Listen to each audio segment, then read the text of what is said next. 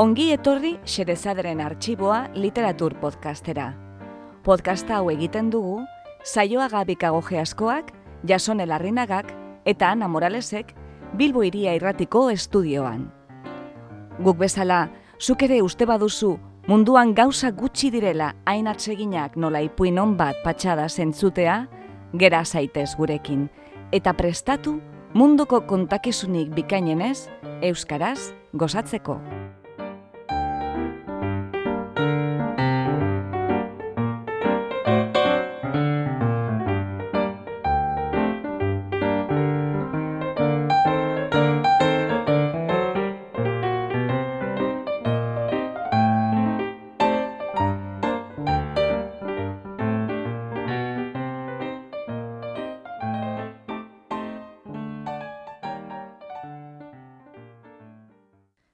Egunon, arratsaldeon, gabon, kotxean zaudela, etxeko lanak egiten zaudela, sofan edo agian oean etzanda zaudela, edo paseoan.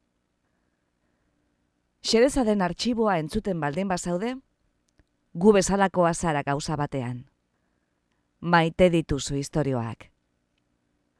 Beraz, gogaidetzat zaitugu, neba edo aizpatzat, gure konplizea zara.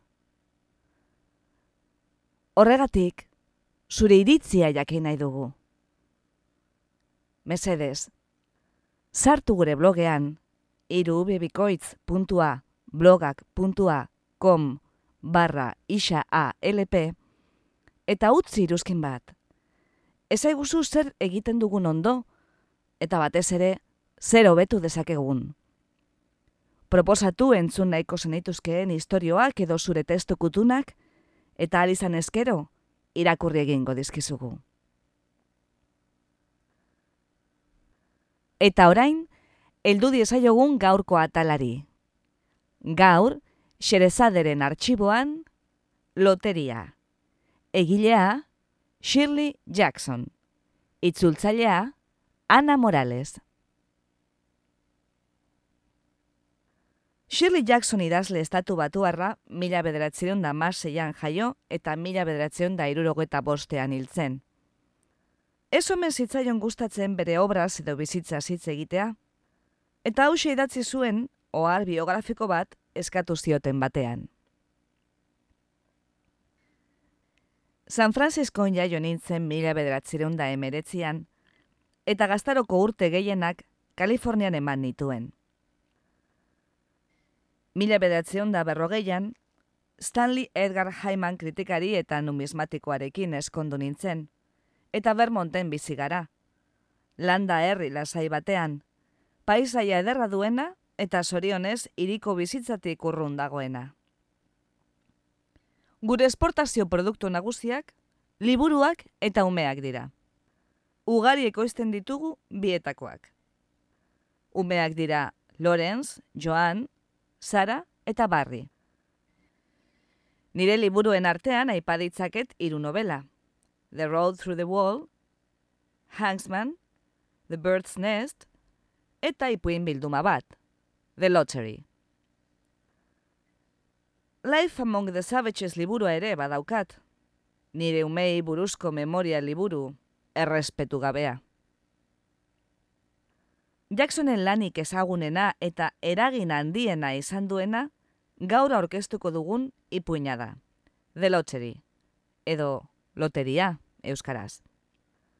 Mila bederatzean eta berrogeita sortzian argitaratu zuen New Yorker aldizkarian, eta publikazio horretan sekul argitaratutako beste ezein historiok ez bezalako erreakzioa eragin zuen.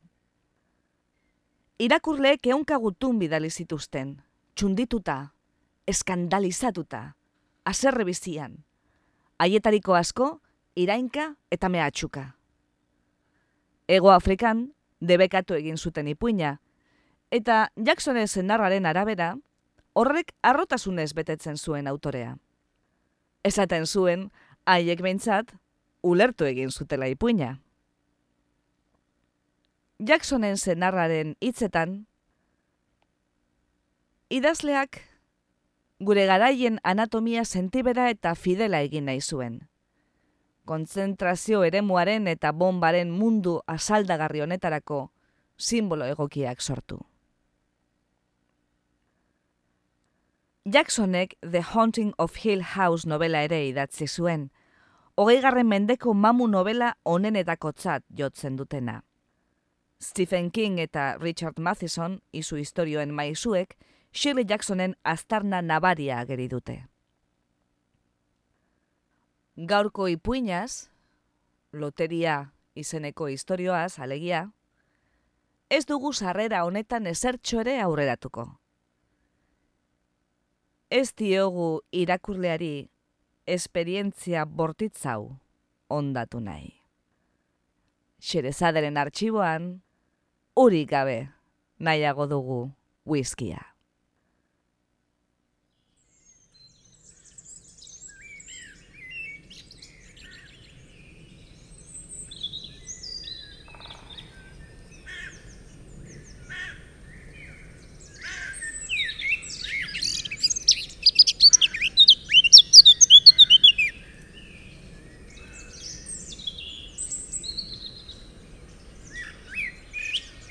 Ekainaren hogeta zazpiko goiza, argia eta eguzkitzua zen.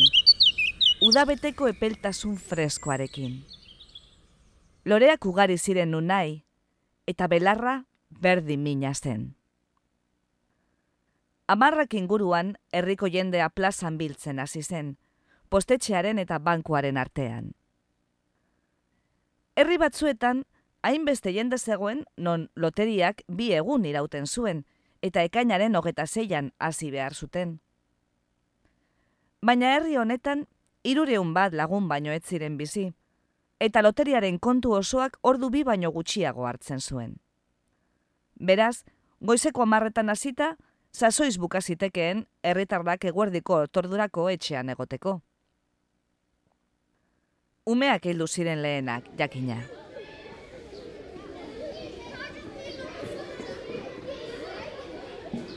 Udako porrakasi berriak ziren eskolan, eta gehienak dezeroso zebiltzan oraindik askatasun sentsazioarekin. Isilik batzen ziren aldi batez, jolasari bulaka ekin aurretik, eta orduan ere, eskolaz eta irakasleaz hitz egiten zuten, liburu ez eta herrietez. Bobby Martinek arriz beteta zeuskan dagoeneko poltsikoak, eta beste mutilek laster jarraitu ziotenaren bideari. Arririk lehun eta bidibilenak aukeratuz. Bobby eta Harry Jonesek eta Diki de la Croix, herritarrek de la Croix ahoskatzen zutenaren izena, harri pila handi bat egin zuten plazaren bazter batean eta zaintzen jarri ziren beste mutilen arrapaketatik babesteko. Neska kalbo batean zeuden, beren artean berbetan, mutile izo sorbaldaren gainetik, eta ume txikiak biribueltaka zebiltzan lurreko hautzetan, edo nebarreben eskutik helduta zeuden. Laster gizonak hasi ziren hurbiltzen, begiez beren umeak zaintzen, ereiteaz eta euriaz berbetan, traktoreez eta zergez elkarrekin zeuden, bastarreko harri pilatik urrun, eta hotza palean zebiltzan txantxetan, eta gehiago egiten zuten irribarre algara baino. Emakumeak, etxeko soineko eta jertze maiztuak jantzita, beren gizonen atzetik heldu ziren. Elkarri agurregin eta kuskuseoak trukatzen hasi ziren, zenarrekin biltzera zijoa zen bitartean. Laster emakumeak, beren gizonen ondoan jarrita, umei deika hasi ziren, eta umeak gogoz kontra etorri ziren, amek lau edo bost aldiz deitu ondoren. Bobby Martin makurtu egin zen amaren eskuaren azpitik eta korrika itzuli zen, barrez, harri pilara. Aitak zorrotz deitu zion, eta bobi harineketan bueltatu zen, eta aitaren eta anaia zaharraren artean geratu zen. Summers jaunak idatzen zuen loteria, dantza tradizionalak, gaztetxoen kluba, Halloweeneko programa gidatzen zituen bezalaxe. Jardun zibikoetan aritzeko nahiko denpora eta energia zuelako. Aurpegi biribileko gizon alaia zen, eta ikatzaren negozioa zeraman. Eta jendeak, errukia zion, etzuelako umerik, etaren emaztea marmarti utza zelako. Plazara heldu zenean, egurrezko kutsa zekarrela, berbeta hotza zabaldu zen herritarren artean, eta Summers jaunak eskuaz denak agurtu eta esan zuen. Gaur berandu nabil lagunok. Postetxeko burua, Graves jauna, etorri zen Summers jaunaren atzetik, hiru hankako taburete bat zekarrela. Plazaren erdian jarri zuen, eta Summers jaunak kutsa beltza ipini zuen gainean. Herritarrak berendokian geratu ziren, tarte bat utzita zeuden lekutik tabureteraino. Eta Summers jaunak esan zuenean, Baten batek lagunduko lidake lagunok? Zalantza une bat egon zen.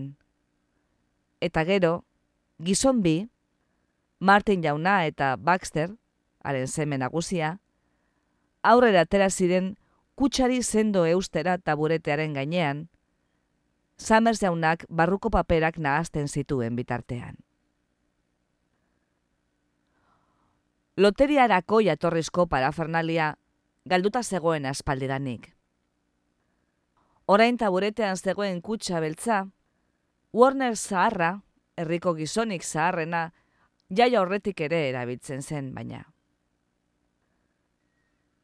Summers jaunak sarritan aipatzen zien herritarrei kutsa berri bat egitekoa, baina inok zuen nahi, kutsa beltzak ordezkatzen zuen tradizioa arrasto hori ere hankasgoratu. Esaten zuten oraingo kutsa aurrekoaren zatiki batzuekin egindakoa zela. Lehenengo biztanleek herria sortu zutenean egindako kutsaren ondarrekin egindakoa.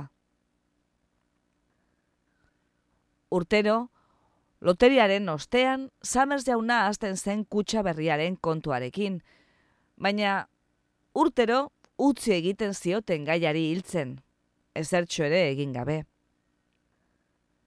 Kutsa beltza, igatuago zegoen urtetik urtera. Dagoeneko etzen guztiz beltza. Albo batean guztiz urratuta zegoen eta jatorrizko kolorea ikusten zitzaion beste toki batzuetan, kolorea maiztua zegoen, edo zikinduta.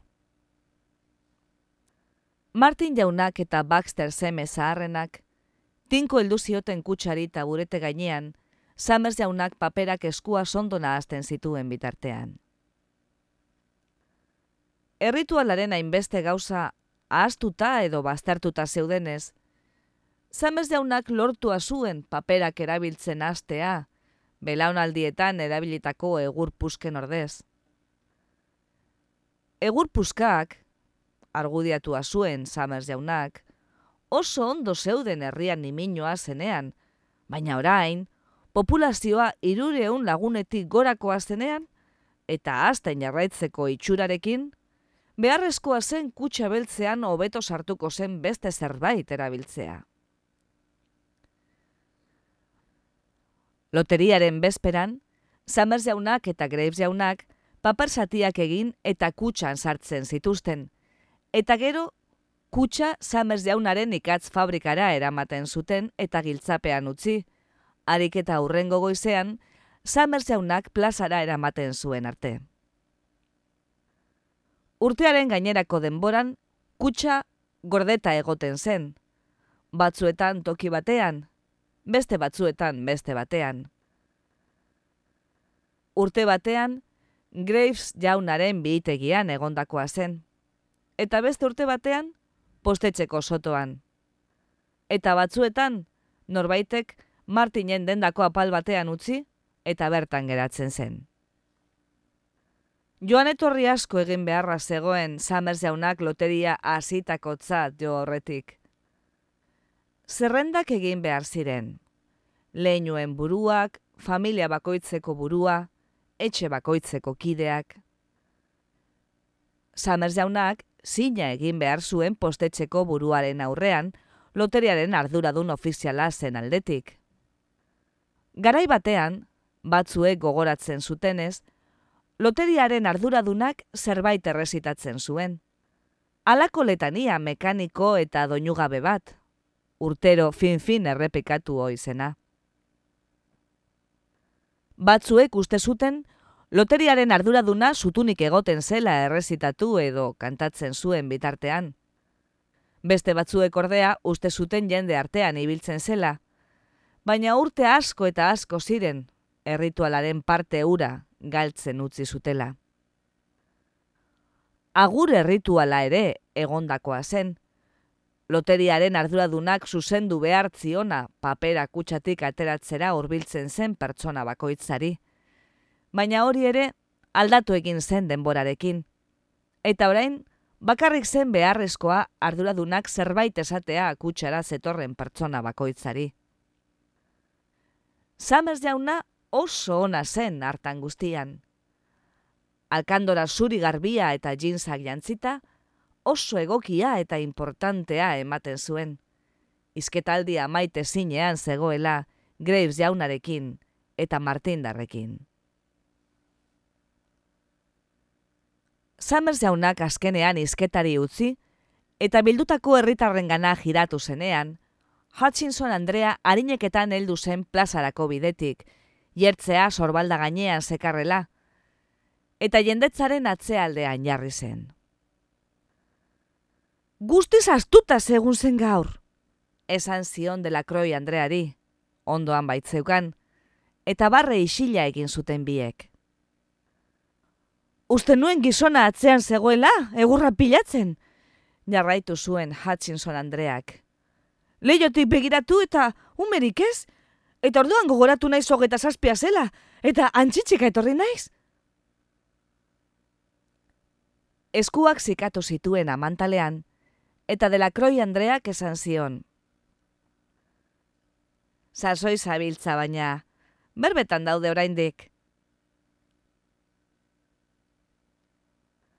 Hutchinson Andreak lepoa luzatu zuen jende artean ikusteko, eta bere gizona eta umeak ikusi zituen aurrealdean.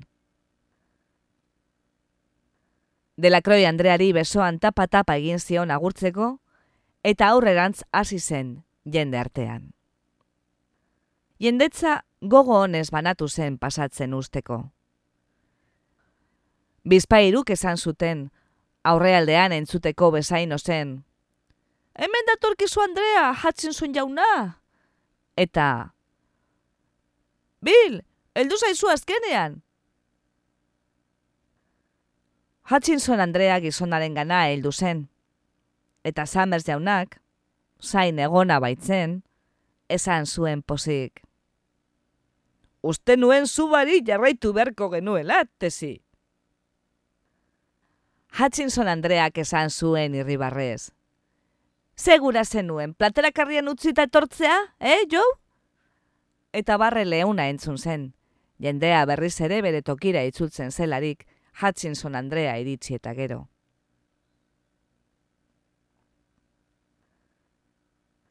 Tira, eta orain, esan zuen Summers jaunak zerio.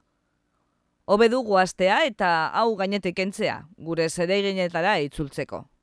Bateon bat falta da? Danbar! Esan zuten hainbatek. Danbar! Danbar! Summers jaunak zerrenda begiratu zuen. Clyde Danbar? Esan zuen. Bai, hanka apurtu du ezta? no katerako du paperaren ordez? Banik, esan zuen Andre batek, eta Samers jaunak buelta eman eta begiratu egin zion. Emazteak zenararena aterako du, esan zuen Samers jaunak.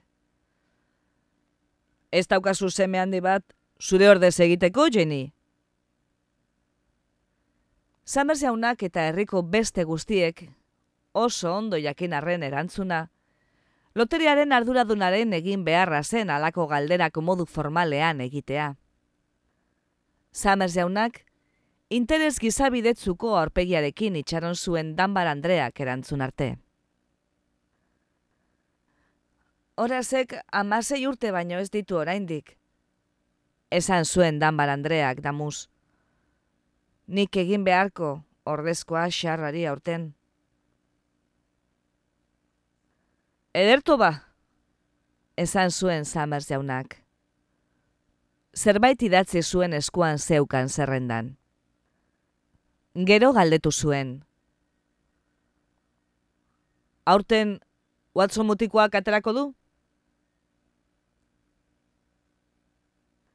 Jende hartetik, mutil altu batek eskua jaso zuen. Hementxe, esan zuen. Neu haitxik eta amaitxik aterako dut. Begiak urdurik liskatu eta burua makurtu zuen. Jendetzan ahots batzuk entzuten zirela, esanez. Zen mutil jatorra jak. Eta, posgarria ikustea amak etxean badaukala hori egiteko gizonik. Eta lakoak. Beno ba, esan zuen Summers jaunak. Orduan denok gaudela uste dut. Warner Shaharra etorri da? Hemen txe! Esan zuen ahots batek. Eta Summers jaunak baiezkoa egin zuen buruaz. Bapatean isiltasuna zabaldu zen jendetzan. Summers jaunak estarria garbitu eta zerrendari begiratu zionean. Prestenok, esan zuen. Tira, izenak irakurriko ditut, lehen bizi familia buruak. Eta gizonak etorriko dira eta paper bana aterako dute kutsatik. Euki papera tolestuta eskuan eta ez begiratu denek berea aterata euki arte. Garbi dago? Jendeak hainbeste aldiz egina zuen, non erdizka baino ez zieten kasu egin argibidei. Gehienak isilik zeuden, Espainiak bustitzen, ingurura begiratu gabe. Samers jaunak eskua gora jaso eta esan zuen. Adams. Gizon bat jendetzaren trabatik askatu eta aurrera atera zen.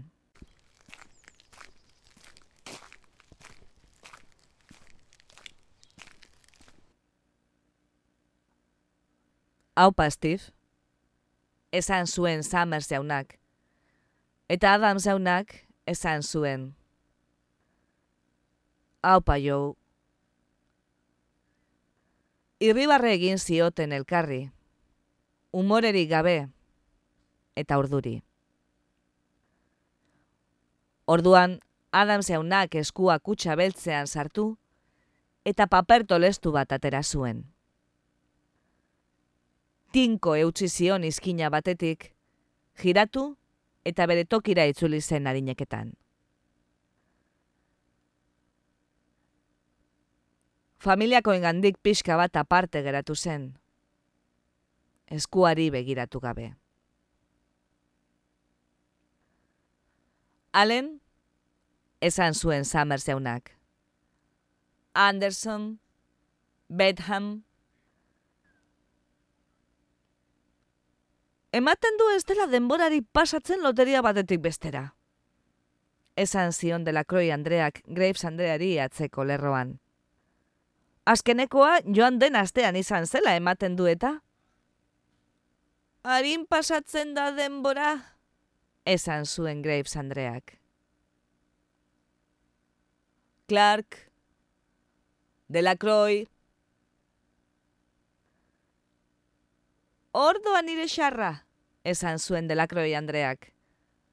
Gizona aurrera zijoala, Andreak arnasari eutzi zion. Danbar, esan zuen Summers jaunak, eta Danbar Andrea kutsarantz joan zen irmo, beste emakume batek, zera zioela. Animo, Ginny! Eta beste batek. Hortxe doa. Gu gara urrengoak, esan zuen Graves Andreak. Ikusi zuen zelan Graves jaunak kutsaren albotik buelta eman, Summers jauna serio agurtu, eta kutsatik paper bat atera zuen. Dagoeneko hainbat gizon ikusten ziren han hemenka, papertxo tolestuak esko handietan bueltaka eta bueltaka urduritasunez. Danbar Andrea eta bizemeak elkarrekin zeuden, eta Danbar Andreak zeukan papera.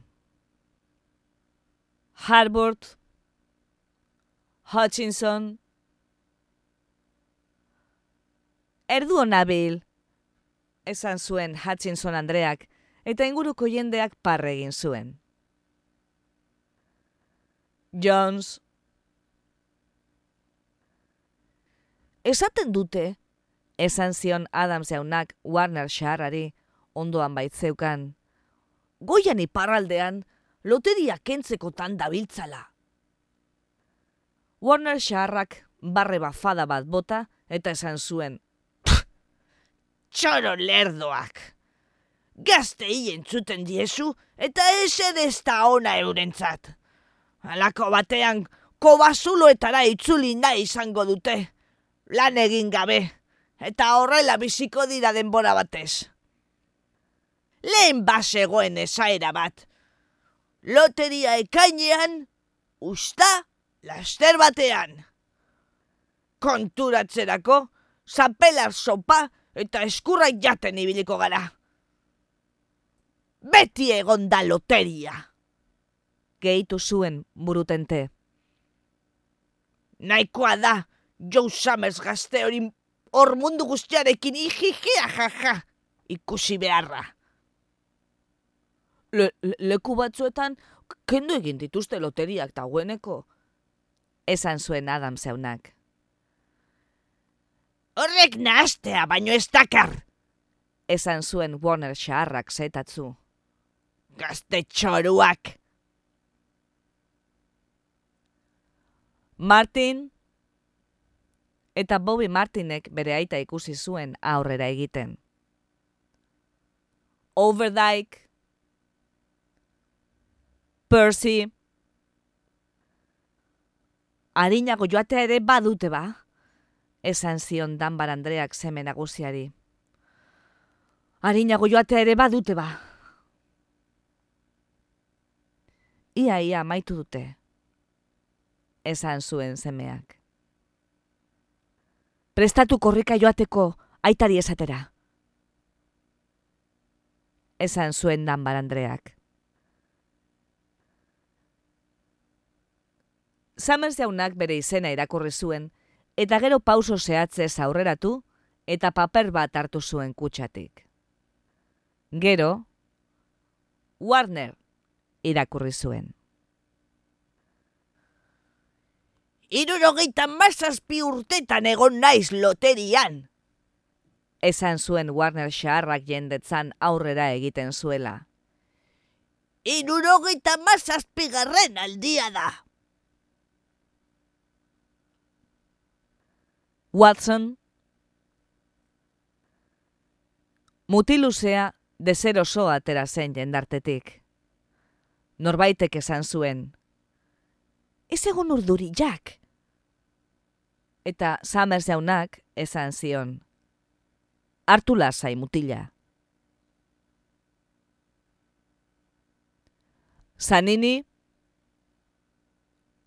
horren ostean geldiune luze bat egon zen. Arnazarik gabeko geldiunea. Arik eta, Summers jaunak, bere papera eskuan jasota, esan zuen arte. Ederto lagunok.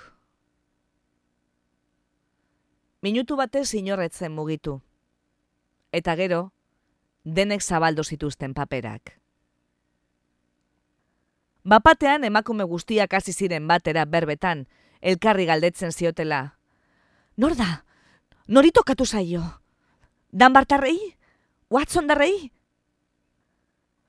Orduan, ahotsak entzuten hasi ziren, ziotela. Hutchinson da! Bill da! Bill Hutchinsonek atera du!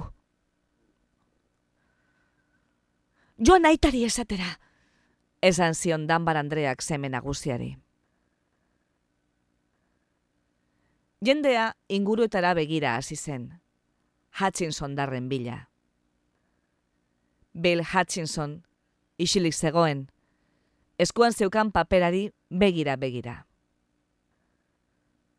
Bapatean, Tese Hutchinsonek aldarri egin zion Summers jaunari. Ez dioso astirik eman berak nahi zuen papera hartzeko. Ikusi zaitut. Ez da bidezkoa. Kiroltasunez hartu, tesi! Oio egin zuen delakroi Andreak, eta Graves Andreak esan zuen. Denok eukiditu aukera berberak. Itxiagoa, tesi. Esan zuen Bill Hutchinsonek. Entzun denok, esan zuen Summers zeunak. Naikoari joan da, eta oraindik ere, haren ibili behar gara sasoiz bukatzeko. Beste zerrenda kontsultatu zuen. Bill, esan zuen. Hutchinson darrentzat ateratzen duzu. Baduzue beste etxerik Hutchinson darrok? Don eta Eba! Aldare egin zuen Hutchinson Andreak. Ardezatela eurek ere papera. Alabek, beren zenarren familiekin ateratzen dute tezi. Esan zuen zamez jaunak goxo. Ondo baino beto dakizu hori ez da bidezkoa izan. Esan zuen tezik. Ez jo, esan zuen Bill Hutchinsonek, damuz. Gure alaba bere zenarraren familiarekin ateratzen du, horrela behar duta. Eta ez daukagu beste familiarik, umeak enduta. Beraz, familiei dagokienez, zeuri dagokizu azaldu zuen Summers jaunak. Eta etxei dagokienez ere, zeuri dagokizu berdin berdin. Ez tala? Bai, ala da. Esan zuen Bill Hutchinsonek. Zenbatu me, Bill? Galdetu zuen Summers jaunak formalki. Iru, esan zuen Bill Hutchinsonek. Bill Junior, Nancy eta Dave txikia. Eta gero tesi eta ni neu. Edertu orduan, esan zuen Summers jaunak. Harry, batu ditu ostera paperak? Graves jaunak baiezkoa egin zuen buruaz, eta paperak erakutsi zizkion. Ipini berriro kutsan orduan. Agindu zion Summers jaunak. Artu bilena eta sartu barrura. Nik uste berriro egin beharko genukela. Esan zuen Hutchinson Andreak, al zuen bezain apal.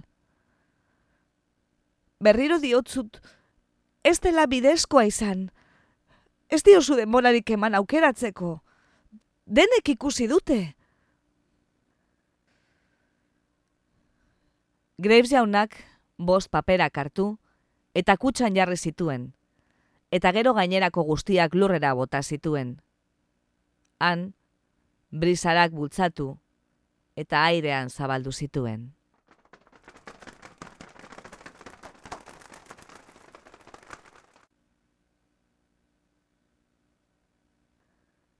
entzun denok, hasi zen Hutchinson Andrea bere inguruko jendeari. Prest, Bill? Galdetu zuen Summers jaunak. Eta Bill Hutchinsonek, Andreari eta umei begiratu harin bat zuzendu ondoren, baiezkoa egin zuen. Gogoratu, esan zuen Summers jaunak. Hartu paperak eta eukito lestuta pertsona bakoitzak bat izan arte. Harry, lagundu Dave txikiari. Graves jaunak eskutik heldu zion umetxoari, zeina gogo honez joan baitzen Graves jaunarekin kutsaraino. Artu paper bat kutsatik, Davy. Esan zuen Summers jaunak. Davyk eskua sartu zuen kutsan eta barre egin zuen. Artu paper bat bakarrik. Esan zion Summers jaunak. Harry, zugordeko diozu. Graves jaunak eskua hartu zion umeari. Paper tolestuak endu zion ukabil bildutik, eta berak gorde zuen. Dei fondoan zuela, harriduraz berari begira. Nenzi da urrengoa, esan zuen Summers jaunak. Nancy kamabi urte zituen. Eskolako lagunek arnaz estuka begiratu zioten neskatoari aurrera joala gona bilin boloka eta papertxo bat delikadeziaz hartzen zuela. Bill Junior, esan zuen Summers jaunak. Eta Billik, aurpegi gorri eta oin handi, ia ia kutsa bota zuen papera ateratzean. Tesi, esan zuen Summers jaunak. Emakumeak zalantza egin zuen une batez. Ingurura desafioz begiratu, eta gero, Espainiak ez duturik, kutsara joan zen. Papera eskukada harin batez atera, eta atzean jarri zuen eskua. Bill, esan zuen Summers jaunak. Eta Bill Hutchinsonek eskua kutsan sartu eta barruan aztamuka ibil ondoren, papera atera zuen azkenean. Jendea isilik zegoen. Neska batek esan zuen xuxurlaka. Mesedez, nanziri ez, eta xuxurla jendetzaren ertzetaraino heldu zen. Orain ez da lengo moduan, esan zuen Warner xaharrak garbiro. Jendea orain ez da lehen bezalakoa. Ederto, esan zuen Summers jaunak. Zabaldu paperak. Harry, zuk Dave txikiaren azabaldu. Graves jaunak papera zabaldu zuen, eta zizpuru bat atera zen jendetzatik papera gora jaso eta denek ikusi zutenean zuri zegoela. Nancy eta Bill Juniorrek berenak zabaldu zituzten aldi berean, eta aurpegi argiturik barreka hasi ziren eta jendartera itzuli paperak gora jasota zituztela. Tesi, esan zuen Summers jaunak isilune bat egon zen, eta Summers jaunak Bill Hutchinsoni begiratu zion. Billek papera zabaldu eta erakutsi egin zuen. Zuri zegoen. Tesi da. Esan zuen Summers jaunak ahotsa palaz. Erakutsi guzuaren papela, Bill. Bill Hutchinson bere maztearen gana joan zen eta paperak enduzion eskutik. Orban beltza zeukan. Bezperan, Summers jaunak marrastu zuena arkatz lodiaz, ikatz fabrikako bulegoan. Bill Hutchinsonek jaso egin zuen papera, eta mugimendu bat egon zen jendetzen. Oso ondo lagunok. Esan zuen Summer zeunak. Amai dezagun lehen bailen. Herritarrek errituala ahaztuta eta jatorrizko kutsa beltza galduta bazuten ere, oraindik gogoratzen zuten harriak nola erabili. Mutilek lehenago egindako harripila presegoen. Lurrean ere harriak zeuden. Kutsatik botatako paperak aire zaire zebiltzan haien gainean. Delakroi Andreak hain harri handia aukeratu zuen, eskubiekin heldu behar izan zion. Danbar Andrearen gana giratu zen. Benga, esan zion, harin ibili? Danbar Andreak baseuskan bere harriak. Eta norbaitek, harri koskor batzuk eman zizkion David Hutchinson txikiari. Tessie Hutchinson, utxune baten erdian zegoen orain. Eta herritarrak beragana zetozela, beso biak lusatu zituen etzipenez. Ez da bidezkoa! esan zuen. Arri batek, buruaren albo batean jo zuen.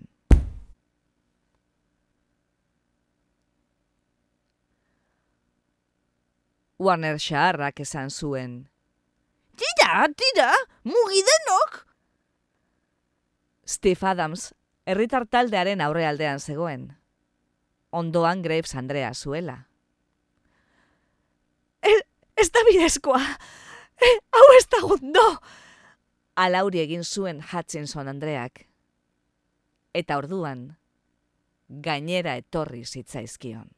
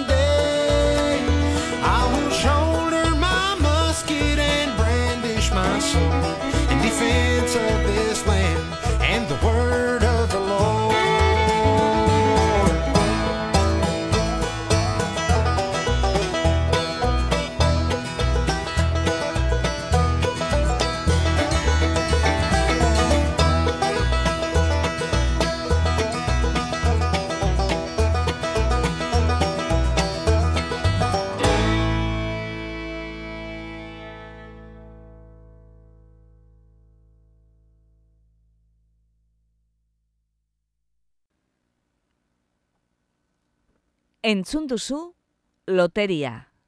Egilea Shirley Jackson. Itzultzailea Ana Morales. Eza astu gure blogean sartzea zure iritziak eta iruzkinak usteko. Iru bebikoitz puntua blogak.com barra isa a lp. Zure berri jakin nahi dugu. Eskerrik asko.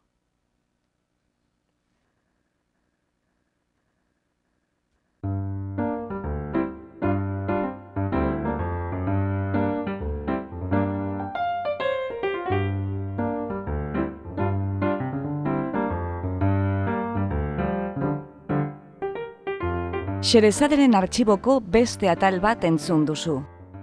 Gure doinoa da, Charleston Behind the Attic Door, Dance of the Winds taldearena. Efektuak freesoundetik hartuak dira.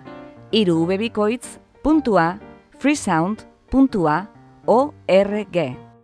Podcast hau egiten dugu, saioa gabikago geaskoak, jasone larrinagak eta Ana Moralesek Bilbo iria irratiko estudioan. Mila esker gurera hurbiltzeagatik. Gustora egon bazara, etorri urrengo batean berriz ere, xedezaderen arxiboa literatur podcastera. Laster arte!